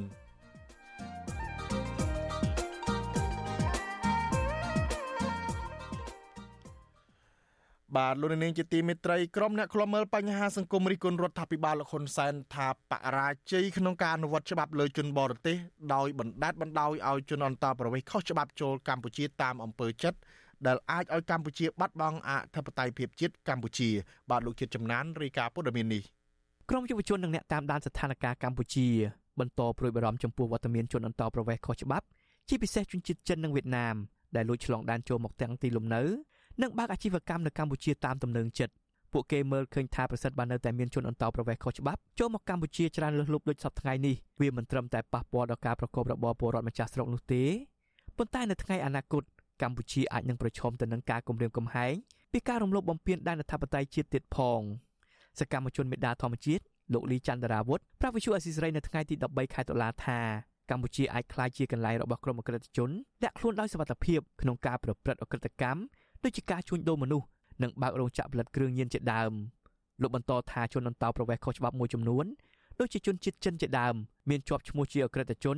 ហើយត្រូវបានរដ្ឋាភិបាលការពារយ៉ាងពេញទំហឹងលោកលីចន្ទរាវុធសង្កេតឃើញថាលំហូរជនអន្តោប្រវេសន៍ខុសច្បាប់បានបង្កភាពអសន្តិសុខដល់សង្គមនិងបានគំរាមកំហែងដល់ការប្រកបអាជីវកម្មនិងការស្នាក់នៅរបស់ពលរដ្ឋម្ចាស់ស្រុកធ្ងន់ធ្ងរលោកបន្ថែមថាប្រសិនបើរដ្ឋាភិបាលនៅតែបណ្ដាច់បណ្ដោយឲ្យជនបរទេស ដែលជាអក្រិតជនចូលមករស់នៅកម្ពុជាទៀតនោះកម្ពុជាអាចនឹងមានកេរ្តិ៍ឈ្មោះកាន់តែអាក្រក់នៅលើឆាកអន្តរជាតិលោកជំរុញដល់រដ្ឋាភិបាលគិតគូរពង្រឹងការអនុវត្តច្បាប់និងលុបបំបាត់អំពើពុករលួយក្នុងការគ្រប់គ្រងជនអន្តោប្រវេសន៍ខុសច្បាប់នេះដើម្បីធានាសន្តិសុខជាតិនិងការពារប្រជាជាតិខ្មែរទាំងមូល។ ជាពិសេសចំពោះអក្រិតជនជនជាតិចិនមុននឹងអនុញ្ញាតឲ្យជនជាតិចិនឬក៏ជនជាតិណាម្នាក់ចូលមកក្នុងប្រទេសកម្ពុជាគួរតែដឹងពីប្រវត្តិរបស់គាត់ខ្លះខ្លះផងជាពិសេសអក្រិតជនធំធំដែលចូលមករស់ស៊ីនៅកម្ពុជាហ្នឹងគួរតែត្រូវបានបញ្ជូនចេញទៅវិញមានមនុស្សមួយចំនួនដែលជាក្រុមម៉ាហ្វៀដាក់ចូលបញ្ជីខ្មៅនៅប្រទេសចិននិងប្រទេសផ្សេងផ្សេងដែលត្រូវជាអក្រិតជនត្រូវជាប់ទោសហ្នឹងបែរជាមកនៅស្រុកខ្មែរមានតំណែងហើយអ្នកខ្លះឋានៈជាទីប្រឹក្សានាយករដ្ឋមន្ត្រីទៅទៀតខ្ញុំយល់ថាអាហ្នឹងវាធ្វើឲ្យអាប់មុខមាត់យើងផងហើយវាលើកទឹកចិត្តឲ្យអក្រិតជនដទៃទៀតហ្នឹងមកក្នុងប្រទេសកម្ពុជា ប្រតិកម្មរបស់សកម្មជនការពារបរិស្ថានរូបនេះធ្វើឡើងបន្ទាប់ពីលំហូរនៃជនអន្តោប្រវេសន៍ខុសច្បាប់បន្តចូលមករស់នៅកម្ពុជាជាបន្តបន្ទាប់ពួកគេមួយចំនួនបានប្រព្រឹត្តបទល្មើសគ្រប់បែបយ៉ាងរាប់ទាំងការបាញ់សម្លាប់មនុស្សជួញដូរមនុស្សចាប់បង្ខាំងមនុស្សចម្រិតទារប្រាក់និងការយកកម្ពុជាធ្វើជាកន្លែងផលិតគ្រឿងញៀនជាដើមអគ្គនាយកដ្ឋានអន្តោប្រវេសន៍នៅថ្ងៃទី13ខែតុលាឲ្យដឹងតាមរយៈទំព័រ Facebook ថាអាញាធរបានបណ្ដេញជនអន្តោប្រវេសន៍ខុសច្បាប់ជាង100នាក់បន្ថែមទៀតចេញពីកម្ពុជា របាយការណ៍គណៈយុទ្ធឋានអន្តោប្រវេសន៍បង្ហាញថាគិតត្រឹមចុងខែកញ្ញារហូតដល់ពេលនេះកម្ពុជាបណ្ដេញជនអន្តោប្រវេសន៍ជិត500នាក់ទៀតទៅស្រុកកំណើតពួកគេវិញក្រោយពីសមត្ថកិច្ចរកឃើញថាពួកគេបានលួចឆ្លងដែនចូលមកស្នាក់នៅនិងធ្វើការនៅកម្ពុជាដែលខុសច្បាប់ជនបរទេសទាំងនោះមានដូចជាជនជាតិចិនវៀតណាមថៃនិងឥណ្ឌាវិសុអស៊ីសេរីមិនអាចតាក់ទងអគ្គនាយកដ្ឋានអន្តោប្រវេសន៍លោកគៀតច័ន្ទថារិទ្ធដើម្បីសូមអត្ថាធិប្បាយបន្ថែមអំពីរឿងនេះបានទេនៅថ្ងៃទី13ខែតុលា ទោះបីជាអាជ្ញាធរបានបង្ហាញអំពីការបង្ក្រាបទៅលើជនអន្តោប្រវេសន៍ខុសច្បាប់នារយៈពេលចុងក្រោយនេះក៏ដោយក៏ក្រុមអ្នកតាមដានស្ថានភាពនយោបាយកម្ពុជាមើលមិនឃើញថារដ្ឋាភិបាលមានឆន្ទៈក្នុងការអនុវត្តច្បាប់ឲ្យបានម៉ឺងម៉ាត់នៅឡើយទេជាពិសេសជនបរទេសមួយចំនួនដូចជាជនជាតិចិននិងវៀតណាមជាដើមតែងតែទទួលបាននូវកិច្ចគាំពៀពិសេសពីរដ្ឋាភិបាលលោកហ៊ុនសែនជនជាតិចិនមួយចំនួនដែលជាក្រុមអក្រិតជនហើយមានប្រវត្តិរឿងរ៉ាវអាស្រូវក៏រដ្ឋាភិបាលលោកហ៊ុនសែនហាក់មិនខ្វល់ខ្វាយ ព្រមទាំងផ្ដល់សិញ្ជាតិខ្មែរដល់ពួកគេក្រុមហេតុផលថាពួកគេទាំងនោះបានរួមចំណែកកសាងសន្តិភាពនៅកម្ពុជាចំណែកជនជាតិវៀតណាមនិងជនអន្តោប្រវេសន៍ផ្សេងទៀតហាក់មានភ័ព្វសំណាងជាងពលរដ្ឋម្ចាស់ស្រុកគណៈរដ្ឋាភិបាលលោកហ៊ុនសែនបានប្រឹងប្រែងផ្ដល់កិច្ចគាំពៀក្នុងការផ្ដល់បានស្នាក់នៅអចិន្ត្រៃយ៍ដល់ពួកគេឲ្យមានទីកន្លែងស្នាក់នៅសមរម្យនៅកម្ពុជាជុំវិញរឿងនេះអ្នកនាំពាក្យសមាគមការពារសិទ្ធិមនុស្សអាត់ហុកលោកសង្សានករណាមានប្រសាសន៍ថា ការដែលមានជនអន្តោប្រវេសន៍ខុសច្បាប់កាន់តែច្រើនចូលមកកម្ពុជាតាមអំពើចិត្តដូចសពថ្ងៃនេះជាដើមចោមសំខាន់តែបណ្ដាលឲ្យកើតមានឡើងនូវបទល្មើសបែបអក្រិតកម្មគ្រប់បែបយ៉ាងនៅកម្ពុជាលោករិះគន់ថារដ្ឋាភិបាលនិងស្ថាប័នពាក់ព័ន្ធមិនបានអនុវត្តច្បាប់ឲ្យបានតឹងរឹងក្នុងការគ្រប់គ្រងជនបរទេសឲ្យបានត្រឹមត្រូវនៅឡើយទេលោកមើលឃើញថាអាញាធរនៃស្ថាប័នជំនាញជាពិសេសមន្ត្រីតាមច្រកព្រំដែនបរាជ័យក្នុងការត្រួតពិនិត្យអំពីប្រវត្តិនិងអត្តសញ្ញាណជនបរទេសដែលមានឈ្មោះជាអក្រិតជន ចូលមកកម្ពុជាកន្លងមកនេះដូចកន្លងមកយើងឃើញហើយមានការមកប្រព្រឹត្តបទមើលការជួញដូរគ្រឿងញៀនណាការចាប់ចម្រិតការបង្ខាំងមនុស្សអីទាំងអស់នេះក៏ជាបញ្ហា រួមចំណែកពីសំណាក់នៃជនបរទេសដែលឈានចូលមកកម្ពុជាយើងដោយខុសច្បាប់នឹងច្រើនដែរអញ្ចឹងហានិភ័យណាស់សម្រាប់ជនតទៅខុសច្បាប់មកប្រទេសកម្ពុជានឹងគឺពួកគេភាគច្រើនគឺជាអ្នកដែលមិនគោរពច្បាប់គុំថាឡើយប្រទេសយើងច្បាប់ប្រទេសគេនឹងក៏ខ្លួនឯងក៏គេមិនគោរពផងចុះទម្រាំតែមកដោយខុសច្បាប់នៅប្រទេសកម្ពុជាយើងទៀតរឹតតែមានហានិភ័យច្រើនសម្រាប់ប្រទេសកម្ពុជាយើងអ្នកសិក្សាការអភិវឌ្ឍសង្គមនិងជាអ្នកវិភាគនយោបាយដ៏មានប្រជាប្រិយភាព គឺបណ្ឌិតកែមលីការលោកនៅមានជីវិតលោកតែងតែព្រួយបារម្ភអំពីបូរណភាពទឹកដីខ្មែរដែលអាចនឹងត្រូវវិនិច្ឆ័យអន្តរាយដោយសារតែប្រព័ន្ធនៃការគ្រប់គ្រងច្បាប់គ្មានប្រសិទ្ធភាពដែលបណ្ដោយឲ្យជនអន្តោប្រវេសន៍ខុសច្បាប់ទាំងនោះចូលមករស់នៅកម្ពុជាយ៉ាងអនាធិបតេយ្យបណ្ឌិតកែមលីតែងតែជំរុញដល់យុវជននិងពលរដ្ឋគ្រប់ស្រទាប់វណ្ណៈឲ្យសិក្សាស្វែងយល់ពីបញ្ហាជាតិនិងងើបតវ៉ាទៅនឹងរឿងអយុត្តិធម៌សង្គមព្រមទាំងផ្ដល់មតិរិះគន់ទៅអាជ្ញាធរដើម្បីបញ្ជាក់ឲ្យរដ្ឋាភិបាល គិតគូរបង្រឹងការអនុវត្តច្បាប់ឲ្យបានម៉ឺងម៉ាត់ទៅលើជនអន្តោប្រវេសន៍ខុសច្បាប់ដើម្បីបញ្ជាការរំលោភបំពានអធិបតេយ្យជាតិកម្ពុជាព្រមទាំងអភិរក្សនៅធនធាននិងគេដំណើរដែលនៅសេសសល់បន្តិចបន្តួចទុកសម្រាប់កូនខ្មែរចំនួនក្រោយខ្ញុំបាទជាចំណាន Visual Assisray ប្រធានាទី Washington បាទលោកនាងជាទីមេត្រីប្រជាសហគមន៍ឃុំក្បាលរមេខកចិត្តនឹងអាញាធរខេត្តស្ទឹងត្រែងមិនអើពើទប់ស្កាត់ក្រុមហ៊ុនចិនស៊ីវហ្គិចនៅតែបន្តកាប់ឈើក្នុងព្រៃសហគមន៍ភូមិក្បាលរមាសដែលអ្នកភូមិអាស្រ័យផលចិញ្ចឹមជីវិតនិងជាកន្លែងប្រតិបត្តិប្រពៃណីវប្បធម៌ជាយូរមកហើយតំណាងសហគមន៍ឃុំក្បាលរមាសលោកស្រីស្រាងឡាញប្រាប់វិទ្យុអាស៊ីសេរីនៅថ្ងៃទី13តុលាថាមកទល់ពេលនេះ មិនទាន់ឃើញអាជ្ញាធរចោះអន្តរាគមទប់ស្កាត់សកម្មភាពកាប់ឈើទ្រង់ទ្រាយធំពីសំណាក់ក្រុមកម្មកររបស់ក្រុមហ៊ុនចិនមួយនេះនៅឡើយទេបើទោះបីជាសហគមន៍បានរាយការណ៍ជាច្រើនលើកមកហើយក្តីលោកស្រីខកចិត្តនិងទង្វើរបស់អាជ្ញាធរខេត្តនេះថាកំពុងមើលរំលងក្តីកង្វល់របស់សហគមន៍ដែលខិតខំថែរក្សាព្រៃបន្សល់ចុងក្រោយដើម្បីអូនដើម្បីឲ្យកូនចៅចំនួនក្រោយបានស្គាល់ ដល់ការទំទាការសំណុំពររបស់សហគមន៍យើងគឺចង់ឲ្យអាជ្ញាធរខំក៏ដោយស្រុកក៏ដោយខេត្តក៏ដោយឬក៏មន្ត្រីពាក់ព័ន្ធដែលធ្លាប់ធ្វើការរឿងហ្នឹងគឺជួយអន្តរាគមលុបបំបត្តិឈ្មួញកាប់ឈើឬក៏រៃដាក់ក្នុងទីធ្លាដោះក្រុមហ៊ុនស៊ីវកេតទៅលុបបំបត្តិរុះរើទាំងអស់មិនឲ្យមានទៀតទេប្រជាសហគមន៍អឺមួយចំនួនបន្ថែមថាដើមឈើធំធំ ស្ថិតក្នុងព្រៃសហគមន៍ឃុំក្បាលរមាសដែលពួកគាត់បានស្នើសុំចុះបញ្ជីជាតំបន់អភិរក្សបានទទួលរងការកាប់បំផ្លិចបំផ្លាញទ្រង់ទ្រាយធំអស់ជាបន្តបន្ទាប់ជាង4ខែចុងក្រោយនេះរីឯក្រុមហ៊ុនចិនស៊ីវហ្គិចនៅតែបន្តបើកដេប៉ូអាឈើខ្នាតធំជាប់ព្រៃអភិរក្សនេះដោយបញ្ជូនកម្លាំងកម្មករនិងរថយន្តឆ្នៃលួចអាឈើជាហូរហែ វិទ្យុអាស៊ីសេរីមិនអាចតាក់ទងសុំការបំភ្លឺជំវិញការឈូសឆាយពីតំណាងក្រុមហ៊ុនចិនស៊ីវហ្គិចនិងអ្នកនាំពាក្យសាលាខេត្តស្ទឹងត្រែងលោកម៉ែនគង់បាននៅឡើយទេនៅថ្ងៃទី13តុលាមកទល់ពេលនេះពលរដ្ឋរស់នៅឃុំក្បាលរមៀស53គ្រួសារបូករួមទាំងពលរដ្ឋបំបែកគ្រួសារបដិសេធមិនព្រមទទួលយកគោលនយោបាយសំណងពីក្រុមហ៊ុនហើយបច្ចុប្បន្នពួកគាត់បន្តរស់នៅលើទីទួលខ្ពស់ត្រង់ចំណុចស្រែវាលឆ្ងាយពីភូមិចាស់4គីឡូម៉ែត្រជិត5ឆ្នាំមកហើយ ក្រមប្រជាពលរដ្ឋទាំងនោះរស់នៅពឹងផ្អែកលើព្រៃសហគមន៍ដែលជាប្រភពចំណូលសេដ្ឋកិច្ចរបស់ពួកគេ ដូចជានេសាទត្រីឃ្វាលគោក្របីធ្វើចំការវិលជុំរកអនុផលព្រៃឈើបេះផ្លែបេះបន្លែនិងដងជួរទឹកជាដើមជនជាតិដើមភាគតិចទាំងនោះសុកចិត្តក្រាញននៀលមិនទទួលយកសំណងពីក្រុមហ៊ុន ដោយសារតែស្ដាយស្រណោះព្រៃព្រឹក្សាគេដូនតា និងចង់ការពារព្រៃឲ្យគង់វង្សដើម្បីកូនចៅចំនួនក្រោយ thank you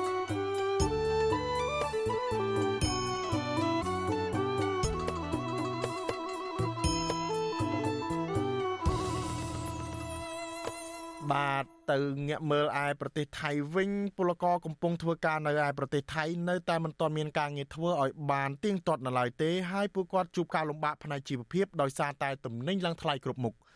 ពួកគាត់ថាបើទោះបីជាពួកគាត់មានការងារធ្វើខ្លះក៏ដោយប៉ុន្តែវាគ្រាន់តែជាការងារបណ្ដោះអាសន្នសម្រាប់ដោះស្រាយរោគអង្គច្រកឆ្នាំងមួយគ្រាមួយគ្រាប៉ុណ្ណោះបាទលោកលេងម៉ាលីរាយការណ៍ព័ត៌មាននេះពលករខ្មែរមួយចំនួន នៅតែមានការខ្វះខាតរស់នៅទាំងលំបាក ព្រោះការងារប្រចាំថ្ងៃរបស់ពួកគាត់មានខ្លះអត់ខ្លះហើយលំបាករកការងារធ្វើទៀតផងពួកគាត់អូនត្អែថា ការចំណាយលើឯកសារការងារត្រូវអស់លុយច្រើន ហើយពេលខ្លះបង់ប្រាក់រួចរាល់នៅតែមិនទទួលបានបានការងារក៏មានដែរពលករខ្មែរធ្វើការសំណង់នៅទីក្រុងបាងកកមានស្រុកកំណើតនៅខេត្តបាត់ដំបងលោកសុកសម្បូរប្រាប់វិទ្យុអស៊ីសេរីនៅរសៀលថ្ងៃទី13តុលាថាលោកជាមេជាងផ្នែកកសាងអាគារ ហើយលោកតែងតែទទួលការងារគេមកធ្វើជាមួយកូនជាងខ្មែរជាង10នាក់ទៀតតែការងារនេះមួយរយៈចុងក្រោយមិនសូវមានគេជួលទៀតទេលោកបន្តថាលោកនិងកម្មករមានប្រាក់ចំណូលមិនទៀងទាត់ហើយការដោះស្រាយបញ្ហាជីវភាពមានការលំបាកតែចេះតែខិតខំជំនះឧបសគ្គទាំងនេះ។ ធ្វើការធ្វើបាត់អីហ្នឹងគឺច្រើនជាងមុនទៀតលើមុនត្រឹមតែ8000ឬ7000នេះធ្វើបានកន្លែងខ្លះណាគេស៊ីច្រើន8000ក៏ខ្លះណាគេយកជួលទៅ7000បាតអីចឹងក្នុងមួយឆ្នាំពីរឆ្នាំឥឡូវគ្រាន់តែមួយឆ្នាំ12000ហើយឥឡូវនេះកម្មករគឺគឺកម្មកម្មករទាបបំផុតដែលតែនេះក៏400បាតដែរស្រដៀងគ្នានេះដែរពលករខ្មែរម្នាក់ទៀតធ្វើការសំណង់នៅខេត្តឆៈជើងសៅមានស្រុកកំណើតនៅខេត្តស្វាយរៀងលោកខាន់សារៈប្រាប់ថា លោកខានផ្ញើលុយទៅឲ្យគ្រួសារ4ខែហើយដោយសារលោកពិបាករកការងារធ្វើហើយជួនកាលមានការងារតែមួយអាទិត្យរួចក៏សម្រាកចិត្តមួយខែក៏មានលោកបន្ថែមថាមានពលករខ្មែរនៅកន្លែងលោកធ្វើការប្រមាណ50នាក់សុទ្ធតែមានជីវភាពលំបាកដោយសារពួកគាត់មានការងារមិនទៀងទាត់ហើយបើបានការងារធ្វើក៏ធ្វើបានតែមួយរយៈខ្លីតាំងពីនេះមកតាំងពីចេញពីតកែថាទៅអត់ប្រាក់មកខ្ញុំមកធ្វើការនេះ ធ្វើមកផងណាតកែគេថាអត់មានការងារមកទៅតកែគេឲ្យមកជួយធ្វើបរិស័ទសិនវិទ្យុអស៊ីសេរីមិនអាចតាក់ទងសុំសេចក្តីអធិប្បាយជុំវិញបញ្ហានេះពីស្ថានទូតកម្ពុជាប្រចាំប្រទេសថៃបានទេនៅថ្ងៃទី13ដុល្លារដោយសារទូរស័ព្ទហៅចូលតែពុំមានអ្នកទទួលមន្ត្រីគម្រោងនៃមជ្ឈមណ្ឌលសម្ព័ន្ធភាពការងារនិងសិទ្ធិមនុស្សហៅកាត់ថាអង្គការសង្ត្រាល់លោកលឹងសុផុនលើកឡើងថាមួយរយៈចុងក្រោយនេះ ពលករខ្មែរដែលធ្វើការក្នុងប្រទេសថៃជួបការលំបាកស្ទើរតែគ្រប់តំបន់ដោយសារពួកគាត់មិនសូវសម្បូរការងារដូចពីមុនលោកបន្តថាពលករខ្មែរត្រូវចំណាយប្រាក់ច្រើនទៅលើឯកសារការចាយវាយប្រចាំថ្ងៃបង់ថ្លៃបន្ទប់ប្រចាំខែនិងត្រូវផ្ញើលុយទៅផ្ទះបង់ធនាគារនិងចិញ្ចឹមគ្រួសារ ការងារនឹងវាមិនទៀងទាត់វាប្រែប្រួលអាចថាគាត់ធ្វើមួយរយៈឈប់មួយរយៈអញ្ចឹងដូចជាលក្ខណៈរយៈពេលខ្លីៗវាមិនទៀងទាត់អញ្ចឹងក៏វាអាចប៉ះពាល់នៅពេលអនាគតដ៏ខ្លីដែរគាត់ណាព្រោះខ្ញុំឃើញបងប្អូនពលករមួយចំនួនធំដែលគាត់កំពុងតែស្វែងរកការងារហ្នឹងអ្នកខ្លះគាត់ពិបាកកន្លងមកហ្នឹងគាត់ចេះតែដើរទទួលការងារភាសាថៃហៅ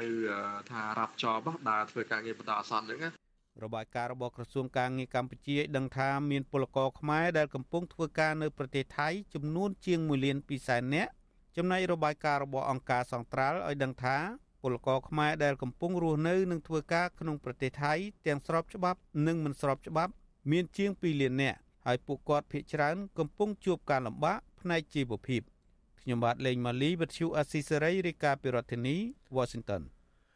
បាទពលរដ្ឋមានទីលំនៅនៅតំបន់ឧទ្យានអង្គរឬហៅថាតំបន់អប្សរាមួយចំនួននៅស្ទាក់ស្ទើរទទួលយកដំណោះស្រាយពីអាជ្ញាធរអប្សរាក្នុងការរុះរើលំនៅឋានទៅតាំងទីលំនៅថ្មីដែលឆ្ងាយពីក្រុងសៀមរាបជាង30គីឡូម៉ែត្រ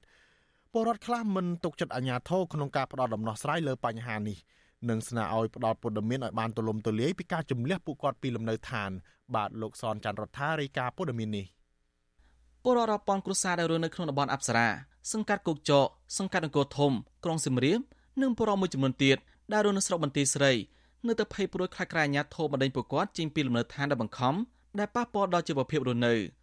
ពលរដ្ឋមួយចំនួននៅមានមន្ទិលចំពោះគម្រោងចម្លៀសពួកគាត់ចេញពីលំនៅឋានស្របពេលដែលពលរដ្ឋរាប់ពាន់គ្រួសារបានចំណាយលុយសាងសង់ផ្ទះសម្បែងជាបន្តបន្ទាប់អស់រាប់ម៉ឺនដុល្លារពលរដ្ឋនៅភូមិវាលសង្កាត់គោកចកលោកស្រីសើសុកប្រាប់វិទ្យុស៊ីសេរីថ្ងៃទី10ខែតុលាថាគ្រួសារលោកស្រីមានដីមួយកន្លែងនៅតំបន់អប្សរា ទទឹង17ម៉ែត្រនិងបណ្ដោយ25ម៉ែត្រអមដោយផ្ទះមួយខ្នងទទឹង7ម៉ែត្រនិងបណ្ដោយ13ម៉ែត្រលោកស្រីបញ្ជាក់ថាគ្រួសារលោកស្រីបានខ្ចីប្រាក់ពីធនាគារជាង20000ដុល្លារដើម្បីសាងសង់ផ្ទះនេះហើយត្រូវបង់រំលោះប្រចាំខែជិត200ដុល្លារប្រសិនបើផ្លាស់ប្ដូរទីលំនៅធ្វើឲ្យគ្រួសារលោកស្រីខាតបង់ច្រើនទាំងពេលវេលាធនធានហើយត្រូវរើរើទាំងបង្ខំចិត្តលោកស្រីថាញាធោបានសន្យាថាផ្ដល់ដីសម្រាប់ដោះដូរប៉ុន្តែលោកស្រីមិនទាន់បានឃើញដីជាក់ស្ដែងនៅឡើយទេ ខ្ញុំទៅពាក្យធនាគារហើយកូនក៏នៅក្នុងការរៀនសូត្រទៀតដល់តែខ្ញុំផ្លាស់ទីលំនៅបានន័យថាកូនខ្ញុំនឹងត្រូវគេថាចោលការសិក្សាទាំងអស់ហើយខ្ញុំនឹងក៏ពិបាកក្នុងការមកធ្វើការពីព្រោះថ្ងៃថារស់នៅរស់នៅទាំងមានការភ័យខ្លាចខ្ញុំអត់ចង់ផ្លាស់ទីលំនៅទេបងខ្ញុំចង់រស់នៅកន្លែងខ្ញុំដដែលដើម្បីងាយស្រួលក្នុងការកូនខ្ញុំរៀនខ្ញុំធ្វើការស្ត្រីដដែលបន្ថែមថាគ្រូសាឡូស្រីមិនចំតន់នៅគម្រោងរបស់អាញាធនទេតែស្នើរដ្ឋាភិបាលផ្ដល់សំណងបានសមរម្យនៅទីតាំងថ្មី មានផ្ទះផ្លូវថ្នល់អគិសនីដីកសិកម្មនិងសាលារៀនជាដើមបន្ថែមពីនេះទីតាំងថ្មីដែលអាជ្ញាធរដោះដូរឆ្ងាយពីទីរួមខេត្តជាង30គីឡូម៉ែត្រដែលបង្កការលំបាកដល់ការប្រកបរបរចិញ្ចឹមជីវិតហើយត្រូវប្រើពេលវេលាយូរសម្រាប់សម្របខ្លួននៅទីនោះ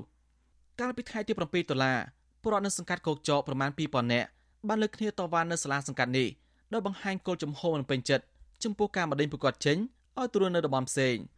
ក្រុមអ្នកតវ៉ាបានលើកបដា បង្ហាញពីទុកកង្វល់ខ្លាចក្រែងមានការបណ្តេញចេញដល់បង្ខំនិងរੂរើផ្ទះសម្បែងពលរដ្ឋខេត្តសំរាបឆ្ងល់ថាញាធរអប្សរាបានបណ្ដោយពលរដ្ឋរពាន់គ្រួសារសាងសង់មនៅឋាននៅជុំវិញប្រាសាទឬតំបន់អង្គរក្នុងក្រុងសៀមរាបស្រុកប្រាសាទបាគងស្រុកបន្ទាយស្រីនិងស្រុកអង្គរធំដោយត្រូវខាត់បងលុយធ្វើផ្ទះចន្លោះពី2000ដុល្លារទៅជាង100,000ដុល្លារពួកគាត់ថាញាធរគួរហាមខំមកឲ្យសាងសង់តាំងពីដំបូងដើម្បីទប់ស្កាត់ជាមុនមិនឲ្យប្រកខាត់បងច្រើន ក្នុងការសាងសង់ផ្ទះសម្បែងនៅជុំវិញតំបន់អង្គរអ្នកភូមិបង្ហើបថាក្នុងពេលសាងសង់មិនឃើញអាញាធរអប្សរាចំហាមខុសនោះទេទំនងជាខុបខិតគ្នាដោយសារតែផលប្រយោជន៍ហើយនៅគ្រាដែលប្រភេទច្រើនបាក់ខ្ចីបុលពីធនាគារហើយលក់ទ្រព្យសម្បត្តិដើម្បីសង់ចម្រោករនៅលក្ខណៈគ្រួសារមន្ត្រីសង្គមស៊ីវិលមើលឃើញថារដ្ឋាភិបាលនៃអាញាធរអប្សរាខ្វះចន្លោះច្រើនក្នុងការគ្រប់គ្រងតំបន់អង្គរឲ្យបានត្រឹមត្រូវស្របតាមគោលការណ៍របស់អង្គការ UNESCO បែរជាមិនដែលមានការសាងសង់សំណង់រឹងចូលក្នុងតំបន់អង្គរជាហូរហែស្របពេលដែលអាញាធមូលដ្ឋានមានម្ដាយរចនាសម្ព័ន្ធគ្រប់គ្រងរបស់នោះជាយូរមកហើយពលរដ្ឋម្នាក់ទៀតនៅឃុំប្រដាក់ស្រុកបន្ទាយស្រីលោកហានហិនឲ្យដឹងថាប្រកបនៅតែបារម្ភគ្មានដីធ្វើកសិកម្មហើយររើផ្ទះសម្បែងជាដើមលោកថាតំបន់ដែលពលលោកកំពុងរនៅគឺជាកន្លែងកំណើតតតាំងពីដូនតាមកដោយចិញ្ចឹមជីវិតធ្វើកសិកម្មលើដីស្រែជាងពីអតាចិញ្ចឹមសត្វជាដើមដូច្នេះប្រសិនបើផ្លាស់ប្ដូរទៅតំបន់ផ្សេង នឹងជួបការលំបាកច្រើនលោកបន្ថែមថាអ្នកភូមិខ្លះកំពុងដេកភ័យខ្លាចអាញាធររើផ្ទះហើយជំរាបទៅកាន់ទីតាំងថ្មីដោយគ្មានសំណងសំរុំ។ ការរុះរើផ្ទះពុកខ្ញុំធ្វើអស់រាប់ម៉ឺនហើយទៅនៅចុះទៀតហើយកាយដីពីផ្ទះនេះទៀតអត់មានលុយធ្វើទៀតណាបងព្រោះអស់ពីដៃអាលីងហើយខាងអប្សរាក៏គាត់អត់បានជួយគិតគូរជាប្រដ្ឋថាផ្ទះប៉ុណ្ណាក៏ផ្ដល់សំណងធ្វើឲ្យវិញប៉ុណ្ណោះអីឲ្យបានសំរុំវិញឬក៏យ៉ាងណាគឺគាត់អត់បានគិតគូរទេគាត់គិតគូរតែពីរឿងថាដី20 30ហ្នឹងហើយអ្នកធំប៉ុណ្ណាក៏20 30អ្នកតូចប៉ុណ្ណាក៏គាត់គិតតែ20 30ហ្នឹងវិទ្យុអាស៊ីសេរីមិនតន់អាចតតងសុំការបំភ្លឺនេះ ពីអ្នកនាំពាក្យអាជ្ញាធរជាតិអប្សរាលោកលងកសលបានឡើយទេ នៅថ្ងៃទី10ខែតុលាចំណែកអភិបាលខេត្តសំរាបលោកទាសេហាក៏មិនតន់អាចសុំការបំភ្លឺបានដែរនៅថ្ងៃដដែលនេះប៉ុន្តែរដ្ឋមន្ត្រីក្រសួងដែនដីលោកជាសភារាបានថ្លែងចំពោះមុខបរិវត្តជាង5000នាក់នៅស្រុកបន្ទាយស្រីកាលពីសប្តាហ៍មុនដោយឲ្យបរិវត្តកុំបារម្ភរឿងនេះដោយសារអាញាធមមិនមានគោលការណ៍បង្ខំឲ្យបរិវត្តរស់រើផ្ទះសម្បែងចេញពីភូមិកំណើតទេហើយការដកដូរនេះធ្វើឡើងស្របតាមគោលការណ៍ស្ម័គ្រចិត្ត លោកបញ្ជាក់ថាបំណងរបស់អាញាធរចង់ឲ្យប្របប្តូរទីលំនៅទៅតំបន់រនតឯកនេះដើម្បីរដ្ឋាភិបាលអាចស្ដារបារាយអភិរក្សតំបន់អង្គរកាលពីថ្ងៃទី3ខែតុលាកន្លងទៅលោកនាយករដ្ឋមន្ត្រីហ៊ុនសែនប្រមានចំពោះមុខបរដ្ឋជាង4ប៉ុណ្ណេះថាប្រសិនបើបរដ្ឋមិនព្រមទទួលយកសំណងដីឡូនៅតំបន់រនតឯកទេនឹងត្រូវបណ្ដឹងចេញដើម្បីផ្ដោតសំណងអ្វីទាំងអស់លោកបញ្ជាក់ថាការផ្ទេរលំនៅឋានរបស់បរដ្ឋចេញពីតំបន់1នៅតំបន់2ឲ្យទៅនៅតំបន់រនតឯកនេះដើម្បីការពារថែរក្សាតំបន់អង្គរ ស្របតាមគោលការណ៍របស់អង្គការ UNESCO មិនដកប្រសាអង្គរវត្តចេញពីបញ្ជីសម្បត្តិបេតិកភណ្ឌពិភពលោកពេលនេះជាពេលដែលរាជរដ្ឋាភិបាលធ្វើការថ្នាក់ថ្នមអង្វរកបងប្អូនឲ្យចាក់ចេញខ្ញុំទៅជួបផ្ទាល់ជិត4000គ្រួសារហើយបញ្ជូនចេញ ពីរបបនោះតែម្ដងសុំ5ទៅហើយនេះជាពេលវេលាដែលរាជរដ្ឋាភិបាលកំពុងត្រាស់ត្រង់ធ្វើហេដ្ឋារចនាសម្ព័ន្ធជូនប៉ុន្តែទៅដល់ពេលវេលាមួយហើយមិនមែនសុកចិត្តឲ្យអង្គរវត្តត្រូវគេដកចេញពីបេតិកភណ្ឌពិភពលោកទេច្បាស់ជាដកគ្រួសារនឹងចេញជុំវិញរឿងនេះនាយកទទួលបន្ទុកកិច្ចការទូតនៃអង្គការលីកាដូលោកអំសំអានសង្កេតឃើញថាប្រដ្ឋនៅមានមន្ទិលសង្ស័យហើយមិនទុកចិត្តចំពោះគម្រោងតាំងទីលមើថ្មីដោយប្រកាសទាមទារអាជ្ញាធរអប្សរានិងអាជ្ញាធរពាក់ព័ន្ធ ត្រូវបញ្យល់បានច្បាស់លាស់ពីគោលនយោបាយសំណងដោះដូរយើងទទួលស្គាល់ថាការអភិវឌ្ឍការអភិរក្សផ្សេងៗក៏ប៉ុន្តែក៏យើងត្រូវគិតគូរនិងពិចារណាអំពីជីវភាពរស់នៅរបស់ប្រជាពលរដ្ឋឲ្យបានត្រឹមត្រូវល្អប្រសើរដែរព្រោះការអភិវឌ្ឍឬការអភិរក្សដើម្បីទាក់ទាញភ្ញៀវទេសចរអីជាដើមហ្នឹងក៏តាមក្នុងគោលបំណងលើកពោះនៃជីវភាពរស់នៅរបស់ប្រជាពលរដ្ឋដែរទីតាំងមកកាថ្មីដែលអាញាធររៀបចំឲ្យបរិវត្តទៅរស់នៅឆ្ងាយពីតំបន់រមណីយដ្ឋានអង្គរជាង30គីឡូម៉ែត្រ នៅតំបន់រនតាឯកស្រុកបន្ទាយស្រីនិងតំបន់ពាក់ស្នែងស្រុកអង្គរធំខេត្តសៀមរាបតំបន់នោះជាតំបន់ដាច់ស្រយាលមានព្រៃរបោះដែលទៅឈូសឆាយជាបណ្ដាបណ្ដាហើយប្រកខ្លះបានបង្ខំចិត្តទទួលយកសំណងពីអាជ្ញាធរដោយសារតែគ្មានជំរឿរបាយការណ៍របស់អាជ្ញាធរខេត្តសៀមរាបឲ្យដឹងថាគិតត្រឹមថ្ងៃទី6ដុល្លារមានប្រវត្តិជាង6000គ្រួសារបានស្ម័គ្រចិត្តចាប់ឆ្នោតបដូរទីលំនៅទៅតំបន់នោះមកទល់ពេលនេះអាជ្ញាធរអប្សរាមិនទាន់បង្ហាញតួលេខចំនួនពលរដ្ឋសរុបដែលរស់នៅតំបន់អប្សរាឬតំបន់អង្គរ មានប្រមាណគ្រួសារនៅឡើយទេរីឯពលរដ្ឋមិនព្រមចាក់ចេញពីតំបន់អប្សរាក៏អាជ្ញាធរមិនតបង្ហាញរបាយការណ៍លម្អិតនៅឡើយដែរសេចក្តីសម្រេចស្តីពីការកំណត់បទដ្ឋាន ការប្រាស្រ័យដីធ្លីតំបន់1និងតំបន់2នៃរមណីយដ្ឋានសៀមរាបអង្គរប្រកាសពីចែងថាបរដ្ឋដែលមានលំនៅឋានរស់នៅយូរមកហើយនោះអាចបន្តរស់នៅតទៀតបានដោយមិនមានការដេញចាក់ចេញពីទីលំនៅទេខ្ញុំសនចាររថាវិទ្យុអេស៊ីសេរីរាយការណ៍ពីរដ្ឋធានីវ៉ាស៊ីនតោន បាទលោកនាងជាទីមេត្រីលោកនាងដែលកំពុងតាមដានការផ្សាយរបស់យើងតាមរយៈរលកធាតុអាកាសខ្លីឬ Shortwave នៅម៉ោង8:30នាទីបន្តិចទៀតនេះលោកនាងនឹងមិនលឺការផ្សាយរបស់យើងទេក៏ប៉ុន្តែលោកនាងដែលកំពុងតាមដានការផ្សាយរបស់យើងនៅតាមបណ្ដាញសង្គម Facebook និង YouTube សូមលោកនាងរងចាំបន្តតាមដានការផ្សាយរបស់យើងនៅពេលបន្តទៀតបាទបាទអឺ ប្រជាពលរដ្ឋជាង2000គ្រួសារនៅស្រុកឯកភ្នំខេត្តបាត់ដំបងកំពុងរងគ្រោះដោយសារទឹកជំនន់បាត់ទីជម្រកខ្វះស្បៀខ្វះខាតស្បៀងអាហារនិងប្រឈមគ្រោះថ្នាក់ដល់អាយុជីវិតមន្ត្រីសង្គមស៊ីវិលយល់ថារដ្ឋបាលខេត្តគូផ្ដល់ជំនួយឧបត្ថម្ភដល់ពលរដ្ឋរងគ្រោះនិងសិក្សាទៅលើហានិភ័យនៅនៅពេលបើកទំនប់ទឹកឲ្យបានច្បាស់លាស់ដើម្បីបញ្ជាផលប៉ះពាល់ដល់អ្នករស់នៅតំបន់ក្រំទំនប់បាទលោកនាងនឹងបានស្ដាប់សេចក្តីរាយការណ៍នេះនៅព្រឹកស្អែកបាទលោកនាងជាទីមេត្រី វិទ្យុអាស៊ីសេរីសូមជូនដំណឹងថាយើងគ្មានអ្នកយកព័ត៌មានប្រចាំនៅក្នុងប្រទេសកម្ពុជាទេបើមានជនណាអះអាងថាជាអ្នកយកព័ត៌មានឲ្យវិទ្យុអាស៊ីសេរីនៅកម្ពុជានោះគឺជាការក្លែងបន្លំយកឈ្មោះរបស់វិទ្យុអាស៊ីសេរីក្នុងគោលបំណងទុច្ចរិតណាមួយរបស់បុគ្គលនោះសូមអរគុណវិទ្យុអាស៊ីសេរីក៏សូមរក្សាសិទ្ធិលុបរាល់ការបញ្ចេញមតិទាំងឡាយណាដែលមានពាក្យអសុរោះជេរប្រមាថមើលងាយនិងគំរាមកំហែងវិទ្យុអាស៊ីសេរីវិទ្យុអាស៊ីសេរីលើកទឹកចិត្តឲ្យ លោកនាងបញ្ចេញមតិដោយការគោរពគ្នាទៅវិញទៅមកប្រកបដោយសិលធម៌បញ្ចេញមតិផ្ដោតទៅលើប្រធានបទជិះវៀងការរិះគន់ឬការជេរប្រមាថបុគ្គលឬវាគ្មិនកិត្តិយសបាទលោកនាងជាទីមេត្រីលោកនាយករដ្ឋមន្ត្រីហ៊ុនសែនបានពន្យល់អំពីការផ្លាស់ប្តូររដ្ឋមន្ត្រីថ្មីនៃក្រសួងកសិកម្មនៅក្នុងអាណត្តិបែបនេះ ថាជាការធ្វើកំណែតម្រង់ការដឹកនាំនៅក្នុងក្រសួងកុំឲ្យអសកម្មដើម្បីឲ្យវិស័យកសិកម្មរីកចម្រើនការបកស្រាយនេះបន្ទាប់ពីមានការរិះគន់ជាច្រើនជុំវិញការផ្លាស់ប្តូររដ្ឋមន្ត្រីជើងចាស់នៅក្នុងក្រសួងនេះគឺលោកវែងសាខុនហើយដាក់ជំនួសមកវិញនៅរដ្ឋមន្ត្រីថ្មីវ័យក្មេងដែលមានជំនាញផ្សេងដែលមកពីក្រសួងរាយនិងធម្មពលគឺលោកដិតទីណា ដែលជាកូនប្រុសរបស់លោកដិតមន្ទីជាប្រធានតុលាការកំពូលនិងជាសមាជិកគណៈកម្មការចិនត្រៃនៃគណៈបកប្រជាជនកម្ពុជាតើតើការផ្លាស់ប្តូរសមាជិករដ្ឋមន្ត្រីបន្ទាន់ដែលធ្វើឡើងក្នុងអាណត្តិចាស់របស់រដ្ឋាភិបាលបែបនេះក្នុងទិសដៅដើម្បីឲ្យវិស័យកសិកម្មឬចម្រើនពិតប្រាកដឬយ៉ាងណា បាទសូមលោករនាងស្ដាប់កិច្ចសម្ភាសន៍នេះជាមួយនឹងតំណាងគណៈបកនយោបាយនិងអ្នកវិភាគបញ្ហាសង្គមជំវិញបញ្ហានេះដែលមានការសម្របសម្រួលដោយលោកសេកបណ្ឌិតដូចតទៅសូមអរគុណ